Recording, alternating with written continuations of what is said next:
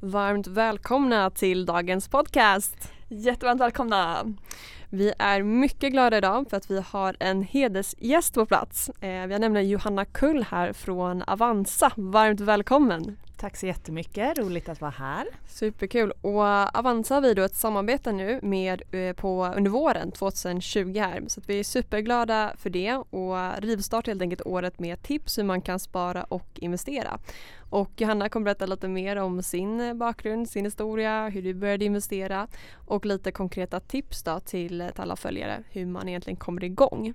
Så att, kan inte du börja med att berätta lite grann om dig själv? Mm. Eh, jag är, vad, vad, är jag? Jag är 32? Nej, jag är 31 fortfarande. 31 år, bor i Stockholm och är utbildad eh, nationalekonom. Har pluggat i eh, Uppsala och i Stockholm under studietiden och även efter och ja, egentligen hela mitt yrkesverksamma liv så har jag jobbat inom bank och finans. Alltifrån eh, kundtjänst eh, på, på bank, alltså klassiskt in uttag pengar så, eh, till eh, privatrådgivare och eh, sen senare åren då, mer nischat mot liksom finance, investeringar eh, som i, i, i, olika roller som sparekonom på Avanza, sparekonom på Fondbolagens förening och analytiker på Avanza. Så att mm. eh, jag ägnar väl dagarna åt att eh, försöka studera ekonomin i stort, börsen i synnerhet och eh, inspirera och vägleda privatpersoner om hur man ska få ett bättre sparande. Vilket inte mm. alltid betyder spara mer utan kanske snarare spara smartare. Just det. Men jag är lite nyfiken på, var du intresserad av ekonomin som barn eller kom det i med dina första jobb och sådär? Mm, ja, jag har tänkt lite på det där själv också. Och Nej men jag kan inte säga att jag hade något jätteintresse för ekonomi som, som barn eller tonåring eller så. Eh, jag var väl alltid hyfsat ekonomisk på något sätt men jag har alltid gillat att göra roliga grejer också. Men jag har alltid haft ett ganska stort samhällsintresse. Jag har varit in, intresserad av politik, av liksom, eh, statsvetenskap, vad händer i världen, hur ser internationella relationer ut? Alltså allt från det här jättestora till liksom vad, följt, följt nyheterna kan man säga, en nyhetsjunkie.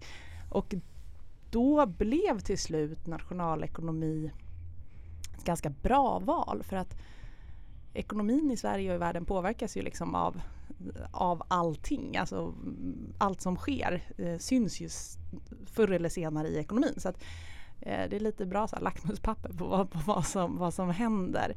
Eh, och det var ju som så att från början så eh, läste jag företagsekonomi och tänkte så här var det. Jag, efter gymnasiet så gjorde jag massa olika grejer. Bland annat så plugg, eh, åkte jag skidor och jobbade i Åre på en skiduthyrning där.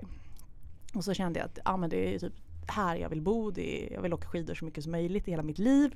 Ja, härligt. Ja, exakt. Och hur kan jag göra det? Ja, men om jag börjar plugga företagsekonomi så kan jag bli controller eller någonting och så kan jag flytta tillbaka till Åre och jobba på kontoret hos Skistar. Det var liksom min tanke. Så då drog jag till Uppsala och tänkte att nu läser jag tre år här och sen och flyttar jag tillbaka till Åre. Men någonstans där under studietiden så kände jag så här oj, okej, okay, men företagsekonomi var ju kul och så här redovisning och hit och dit. Men det som jag tycker är jätteroligt det är ju mikro och framförallt makroekonomi. Så då blev det nationalekonom och mer finance-spåret. Eh, Just det. Jag läste en eh, bok eh, som heter Kvinnor, Kvinnorna som äger börsen. Mm. Eh, och då hörde jag just historien där om Skistar eh, och jag tyckte det var så intressant hur du berättade att eh, men du gillar bolaget och du köpte aktier där och att det faktiskt var ditt första liksom, investeringsmisstag om jag förstår rätt. Ja. Kan inte du berätta lite den historien? Eh, första och typ största. Nej men när jag jobbade där för Skistar så tyckte jag trivdes jättemycket. Jag tyckte jag hade goda kollegor, jag tyckte bolaget var jättefint och så. Och jag har en tendens att bli väldigt till mig och väldigt så här, oh nu kör vi och så helhjärtat. Eh, och så var det även där och då tänkte jag, men här vill jag vara delägare, jag vill vara med och äga det här bolaget för det är så fantastiskt bra. Så att eh, jag skickade in mer än en månadslön där i, i, och köpte aktier för i Skistar utan någon som helst koll på eh, liksom aktiekursen eller eh, sådär alls.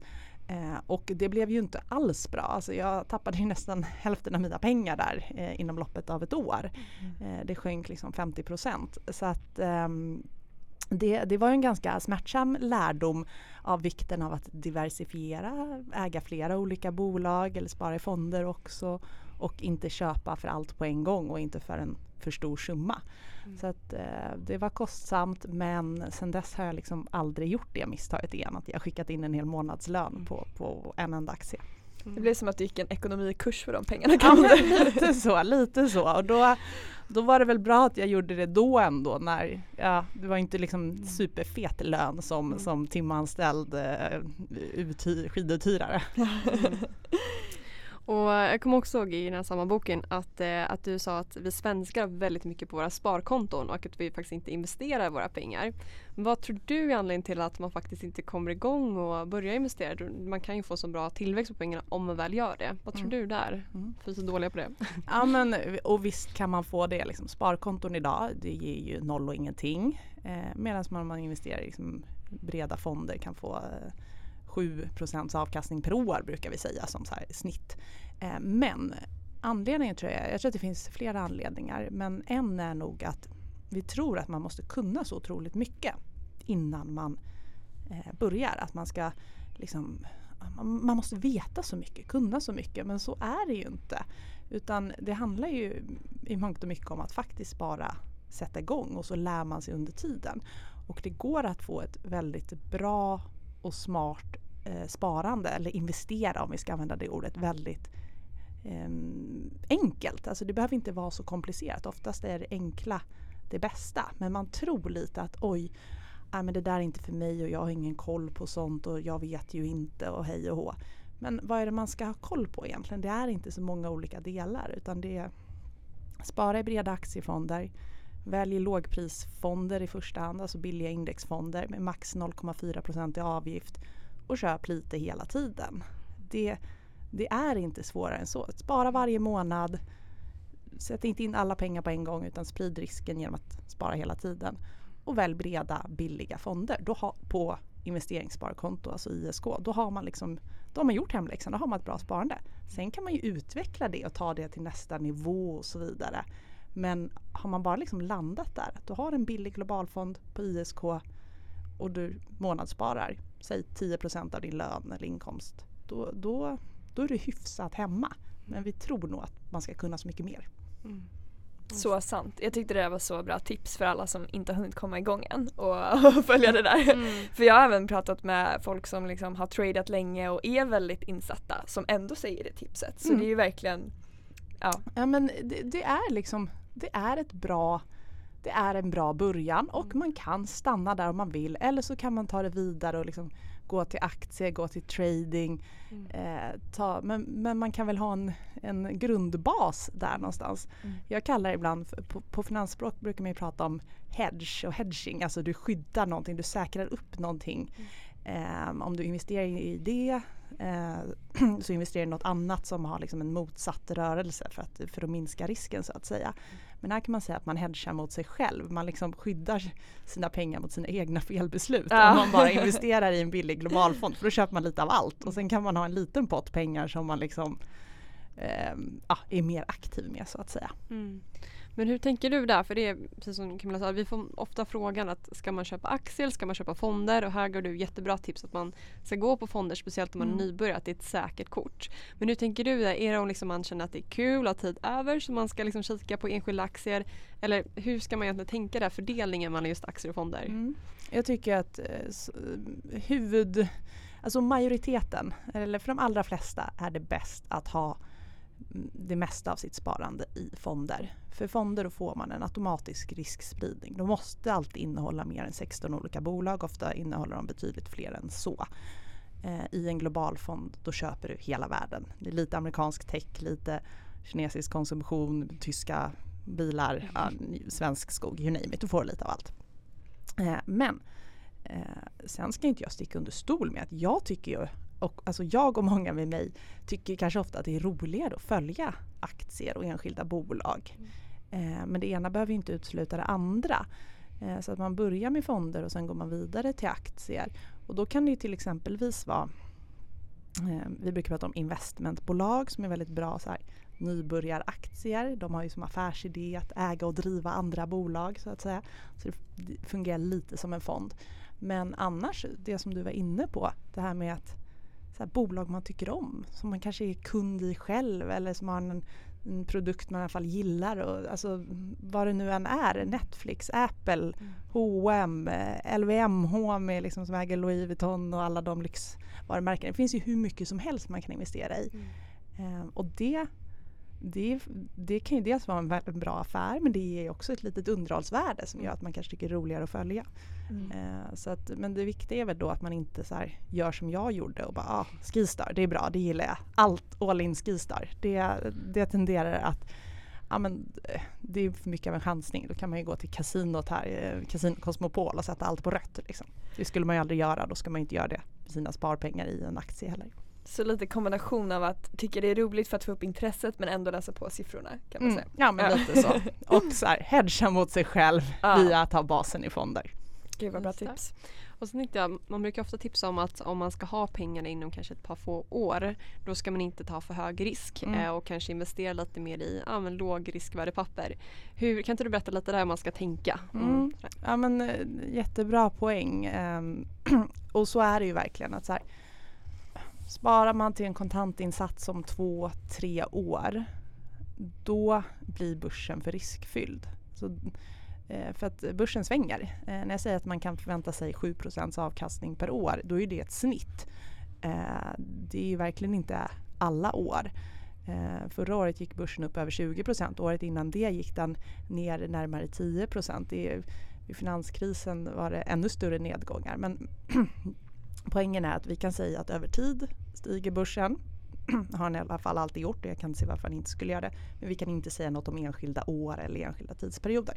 Och det gör ju att om man inte har tiden på sin sida, om det är pengar man ska använda, då blir det alldeles för riskfyllt att investera dem i aktier eller fonder. Då, då är sparkonto med vad det nu kan vara 0,5-0,9% ränta. Det är det som är alternativet. För ska jag köpa en lägenhet om två år då vill jag ju att det ska bli en hel etta eller tvåa eller vad jag nu vill ha. Det, det, får inte bli en halv lägenhet. Och det är lite den risken man tar. Eller om man vill spara ihop till en resa man ska åka på nästa år. Ja det är klart. Köp aktier för pengar och du, du kanske kommer till Australien men du kanske kommer till liksom Härnösands camping. Det, då kanske det är bättre att säga nej men jag ska ta mig till Thailand mm. och jag vet att om jag sparar så här mycket i månaden så kommer jag ha så mycket pengar jag behöver för att ta mig till Thailand. Mm. Um, eller då om man verkligen vill till Australien så får man vänta någon månad med resan. Mm. Hur är det med räntefonder? Där är det lite lägre risk. Kan man ja. ta det om man ska spara bara inom ett, tre år? Ja men räntefonder kan ju vara ett alternativ eller försiktiga blandfonder, blandfonder med merparten i liksom, eh, ränta. Det kan det absolut vara. Mm. Eh, då får man också liksom läsa på lite och se. Det finns ju räntefonder av lite olika slag. Man brukar prata om långräntefonder och, mm, och korträntefonder. Och då är det väl liksom kortare, korträntefonder som är alternativet om, om det ska vara um, ja, hyfsat, i, hyfsat i närtid man behöver pengarna. Mm. Men sen så har ju liksom Avanza, har Avanza Auto som är Avanza Auto 1 till 6, de är som färdigpaketerade så att säga. Eh, och där är väl Avanza Auto 1 och 2 och 3 för dig med kort tidshorisont. Så får man spara, svara på lite frågor och så blir man liksom Eh, och så är det, mm, ja, de fonderna är anpassade utifrån vilken risknivå man vill ta och hur lång sparhorisont man har. Så det har jag Avanza och jag vet att liksom, de flesta bankerna har den här typen av eh, produkter. Så oavsett vilken bank man har kan du hitta någon, eh, någon bra eh, liksom, paketlösning. Det enda man ska tänka på där som alltid är det här med avgiften. Att, för eh, det är någonting som har hängt med finansbranschen förut. Att det, och det fortfarande finns det otyget att ha för höga avgifter. Och där brukar jag säga att ha 0,4 som så här, kom ihåg det. Och allt som kostar under 0,4, ja men det är hyfsat billigt liksom, eller inte dyrt i alla fall. Men över, då kanske man får fråga lite mer om man har en rådgivare eller läsa på mer själv. Så här, vad, vad är det jag betalar för? Är det även om det är liksom aktivt förvaltad fond? Eller om det en, ja. eller ska, då kan man betala kanske lite mer? Ja, alltså ja. aktivt förvaltade fonder kostar ju mer. Ja. Kanske en och en halv procent mm. eller någonting. 1,2, en och en halv, upp mot två ibland. Um, och pris är det man betalar, värde är det man får om man ska dra en klyscha och det finns absolut aktivt förvaltade fonder som har varit jättebra. Om vi nu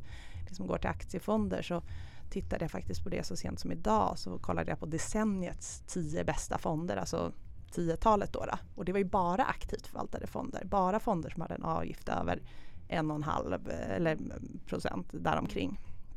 Eh, men jag tror att om jag skulle titta på decenniets tio sämsta aktiefonder så hade det nog också va bara varit aktivt förvaltade fonder.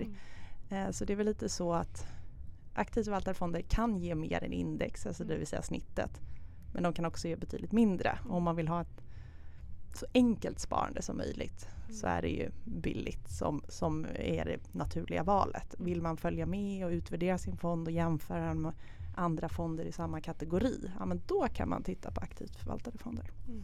Men om liksom min mamma frågar mig så här, ja det har hon i och för sig gjort, men om, när hon frågar mig, Anna hjälp mig, hur, hur ska jag? Då är det så här, och jag vet att hon kommer logga in på det här kontot en gång per år när jag gör åt henne. Och då har hon, och så här, hon, hon har ingen koll på, på det. Då är det bättre att hon sparar i liksom indexfonder. Det. För det kommer, inte, det, det kommer aldrig vara ett dåligt val. Mm. Och pengar man kan avsätta i kanske i alla fall fem år eller ja, sådär. Ja, men fem år är väl en mm. bra sådär mm. tumregel. Eh, tumregel. Ja. Och som sagt om man sitter med så här, jag får ofta frågan om man har en större summa pengar mm. eller oavsett vad den är men liksom för en själv en större summa pengar. Dela upp det och så fyll, öka på ditt månadssparande och låt det liksom ta ett, två år att få in de här mm. pengarna på börsen. Då i aktier, aktiefonder. Så man inte skickar in hela summan vid ett och samma tillfälle och sen mm. dyker mm. börsen 20 Det är inte så mm. roligt. Mm. Då kan man kompensera det med att ibland köpa på toppar, ibland på dalar och så blir det, minskar man riskerna. Ja men verkligen.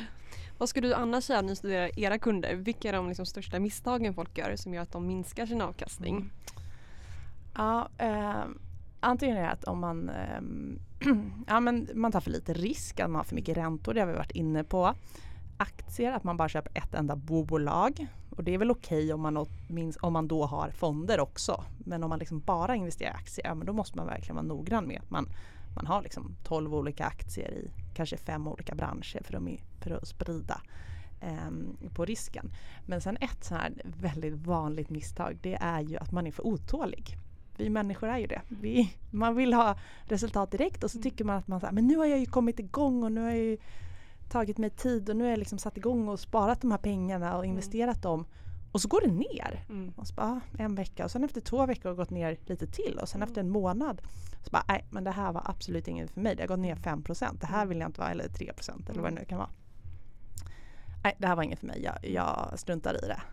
Och det är ju ingen investering eh, som har en tidshorisont på en månad. Mm. Alltså, men man vill se resultat direkt, man vill mm. få snabba kickar. Så är det väl liksom i allt. Jag är, försöker ju som alla andra så här, träna. Mm. Eh, och så gör jag det inte på ett tag och så blir man soffpotatis och gör ingenting. Och sen så börjar man springa sina kilometer igen och tycker att det är asigt. Då vill man ju, mm. alltså, då vill man ju ha samma tid som man hade när man var som mest tränad och sen när inte det kommer då blir man irriterad. Och så. Man vill se resultat direkt, ja. så att det har hänt någonting. Har det hänt ja, någonting? ja precis och sen har man ställer sig på vågen och den liksom kanske gud förbjuder man gått upp tre hekto som då bara är vatten och liksom inte säger någonting alls. Då blir man ju asirriterad. Mm. Och det är ju samma med investeringar så det gäller ju att försöka vara lite uthållig även om det är astråkigt ibland. Men jag är lite nyfiken för du nämnde till exempel Apple och Netflix och sådär. Om man vill investera i till exempel amerikanska bolag, är det någonting man ska tänka på versus att investera i svenska? Ja, alltså här, när man investerar i amerikanska bolag, dels så har det i alla fall tidigare varit att det har ofta varit ett lite högre courtage hos många banker. Courtaget är ju liksom köp och säljavgiften, alltså avgiften man får betala vid ett aktieköp eller en aktiesälj vid affären. Sen kostar det ju ingenting att ha aktien eh, men, men när man gör affären. Eh, och där var det tidigare eh, högre courtage när man köpte utländska aktier, eller det är det fortfarande hos alla aktörer men förut kunde det vara väldigt höga courtage.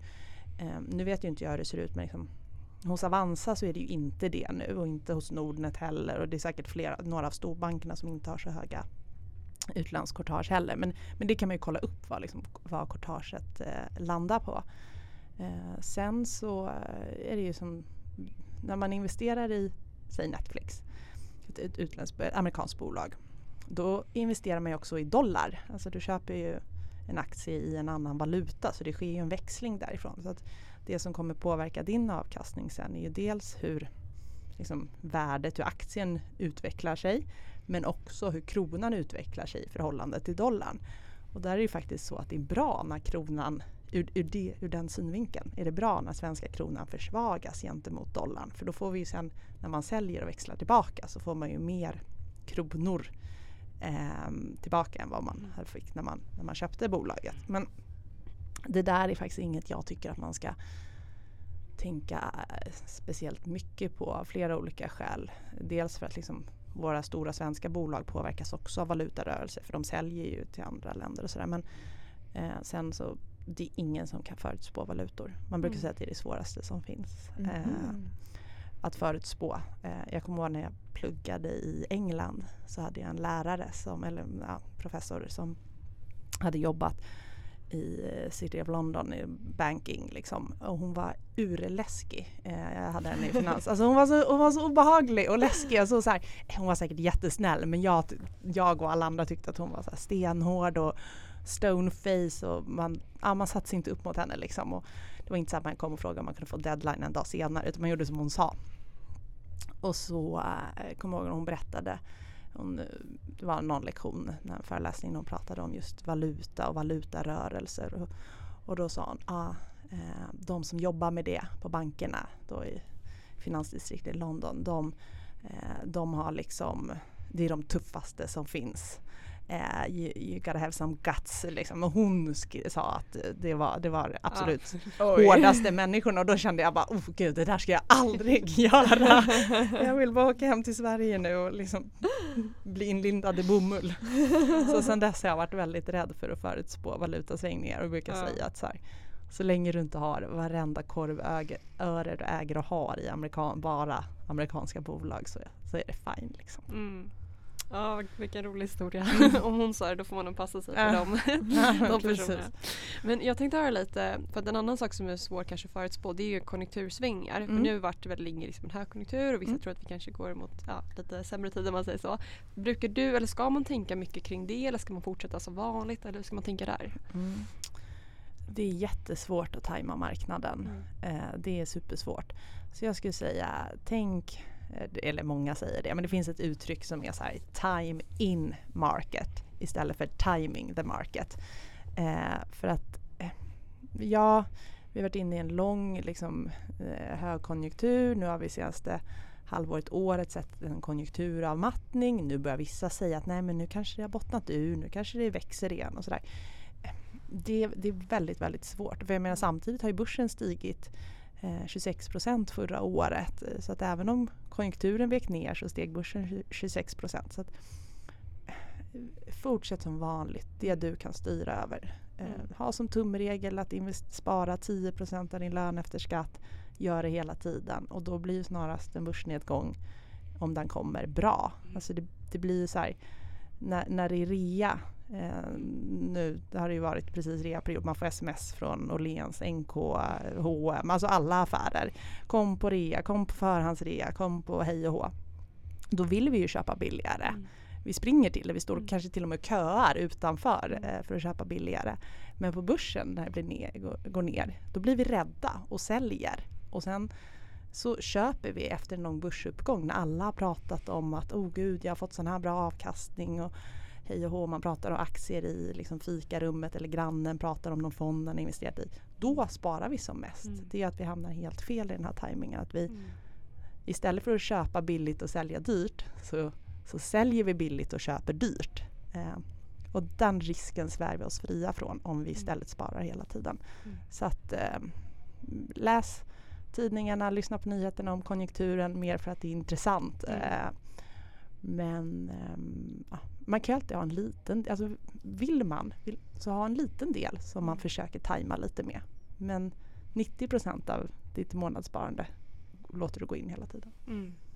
Vi hade en fråga också, vi ställde en så här Q&A på, på vår Instagram eh, mm. och den som undrar om man ska ha flera olika ISK-konton, mm. kanske för olika tidsperioder, olika risknivåer. Hur, brukar, hur ska man tänka där? Mm. Ja men det kan man absolut ha. Mm. Eh, jag har det eh, och eh, det, det är inga problem att ha flera olika. Eh, det kan ju vara lite så här mental bokföring. Det här är ja, men pension, det är långt bort i tiden. Det här är ett radhus om tio år. Det här är kanske om jag har möjlighet till en sommarstuga om tre Alltså man, man kan ju döpa dem på de flesta banker kan man sätta så här.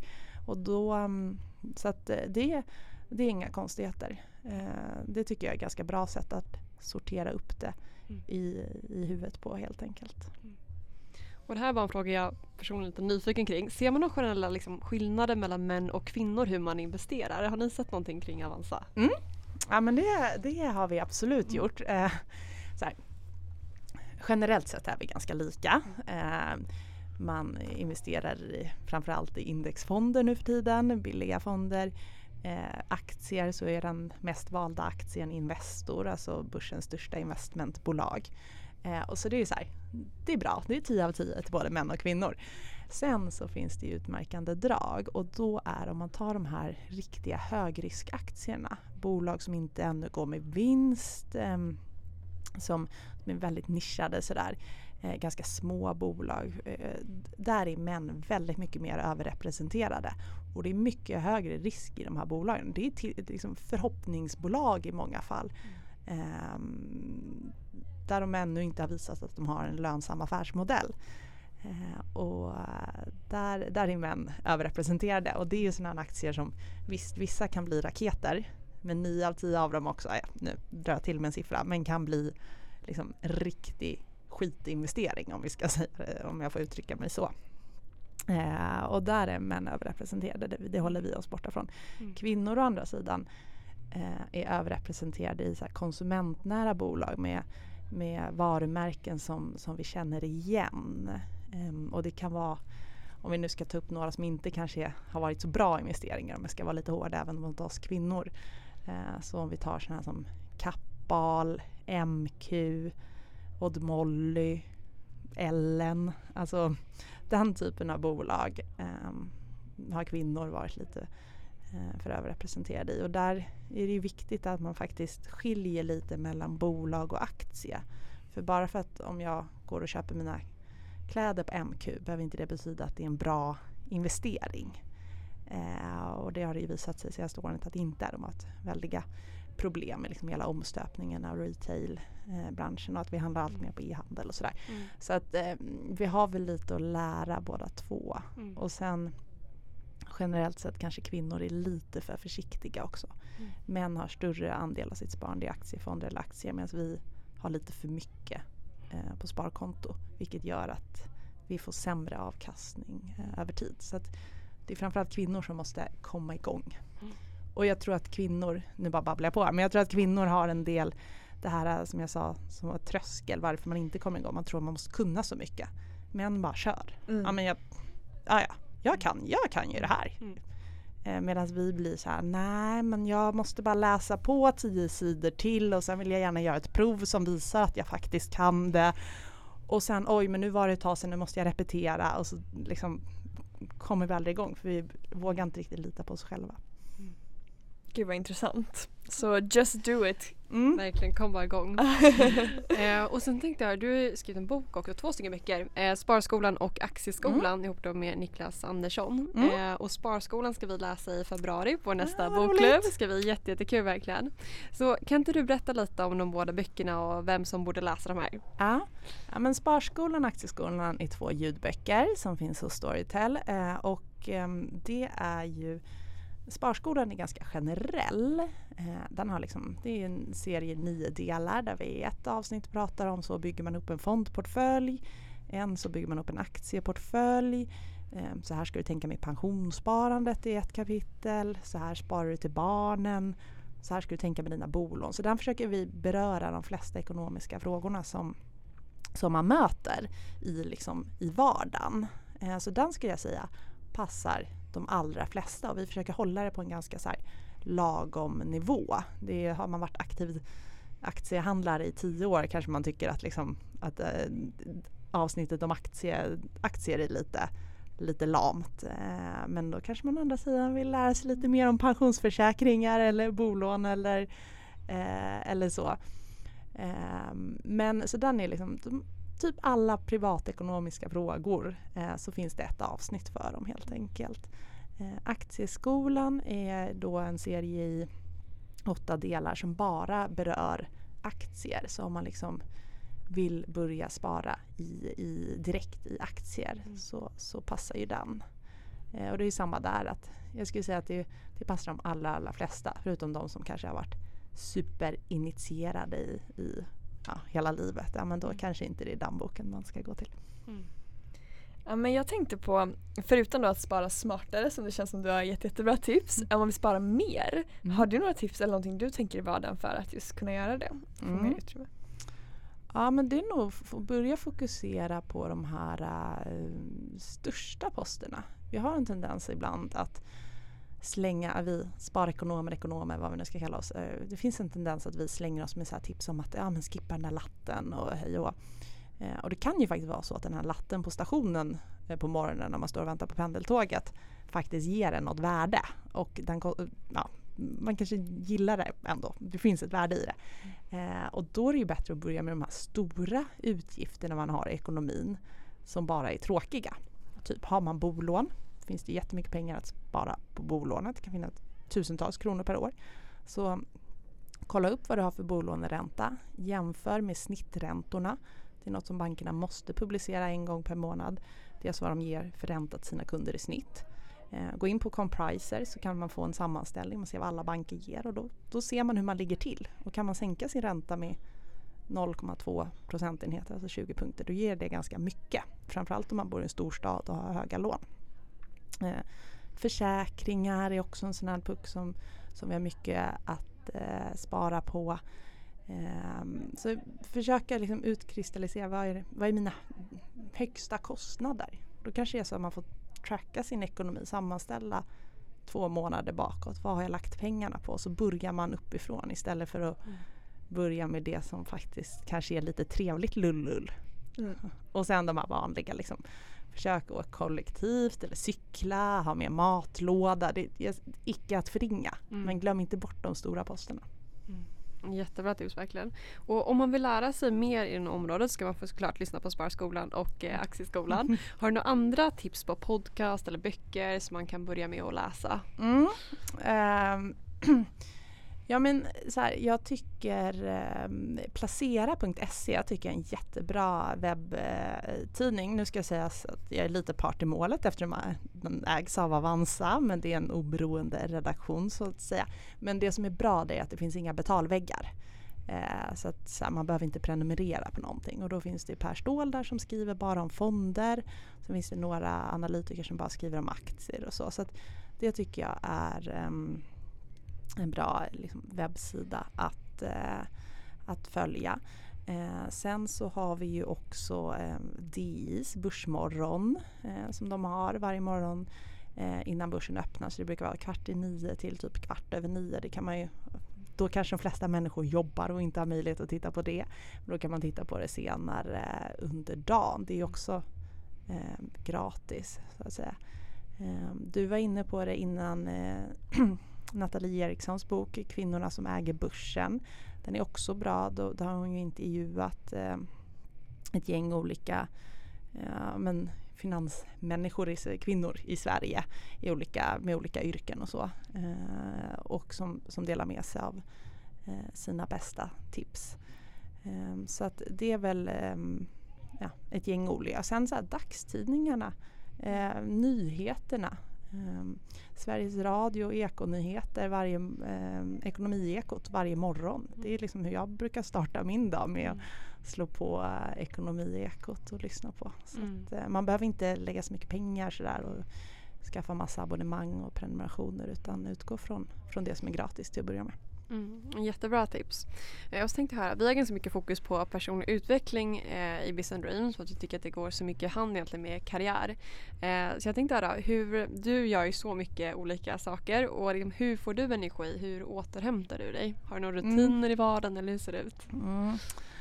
Ja, men alltså, eh, nu har jag inget nyårslöfte men mitt stående nyårslöfte annars eller försök till mig själv det brukar vara att så här, eh, skärmfri tid eh, efter eh, ja men typ halv nio, kvart i nio har jag haft något alarm att då ska jag lägga undan telefonen. Det går ju sådär men jag märker ju att när jag lyckas med det så mår jag mycket, mycket bättre och jag sover mycket bättre. Annars blir det ju lätt att man ligger i sängen där och bara surfar på något totalt onödigt tills klockan är alldeles för mycket och man bara jag är så himla dum i huvudet, vad håller jag på med? eh, men det, det är liksom, det är någonting. Sen så försöker jag vara ute, utomhus så mycket som möjligt. Eh, jag och många andra, man sitter inne på kontor hela mm. dagarna. Eh, och eh, ja, eh, så det är så min, mina helger är jag ganska petig med. Mm. Ehm, med att vara utomhus och umgås med, med de som ger energi. Mm. Ehm, och då kanske det har med åren blivit en lite snävare krets än vad det var för fem, tio år sedan när man snarare försökte, när jag, jag ska säga, snarare försökte ja, men, eh, upprätthålla den här perfekta vänskapsrelationen med, med alla. Eh, när man har ett intensivt jobb så tycker jag att jag har fått inse att så här, nej, eh, jag behöver inte vara bästis med alla utan jag, jag är bästis med min familj och med dem som de och mina vänner som faktiskt betyder något. Eh, de andra är klart man ska vara snäll och trevlig mot. Men, mm. ja, så bra att prioritera bra mm. relationer. Ja men uh. det, det, är så här, man måste ju. Mm. Jättebra. För att inte gå sönder. Mm. Och veta vilka som ger energi och vilka som tar energi och verkligen mm. fokusera där på de som ger energi. Mm. Jättebra tips. Ja men så det här avsnittet var ju jättespännande. Jag känner att jag har lärt mig jättemycket. Vad roligt, det var så kul att få vara här. ja, kan inte du ge ett avslutande power tips nu till, eh, till alla som vill komma igång? Ja nu ska det vara det bästa tipset i hela podden. Vad ska man göra för att om man nu vill börja investera? Om man nu vill börja investera Eh, bara börja. Se till att du på nästa lön ta en tiondel av den, 10 av lönen efter skatt. Eh, skicka in det på ett ISK-konto och eh, ja, bara gör det oavsett om du känner att du vill börja med aktier eller fonder så, så bara gör det. Det blir lite som när man kör bil. Man övningskör i massa år och man håller på och svär och försöker och sådär. Sen får man det här körkortet och sen inser man att när man sitter själv i bilen det är då man faktiskt lär sig någonting. Det är samma här. Superbra tips. Grym tips. Tusen tack Anna att du kunde vara med i podden. Tack, Tusen tack. tack.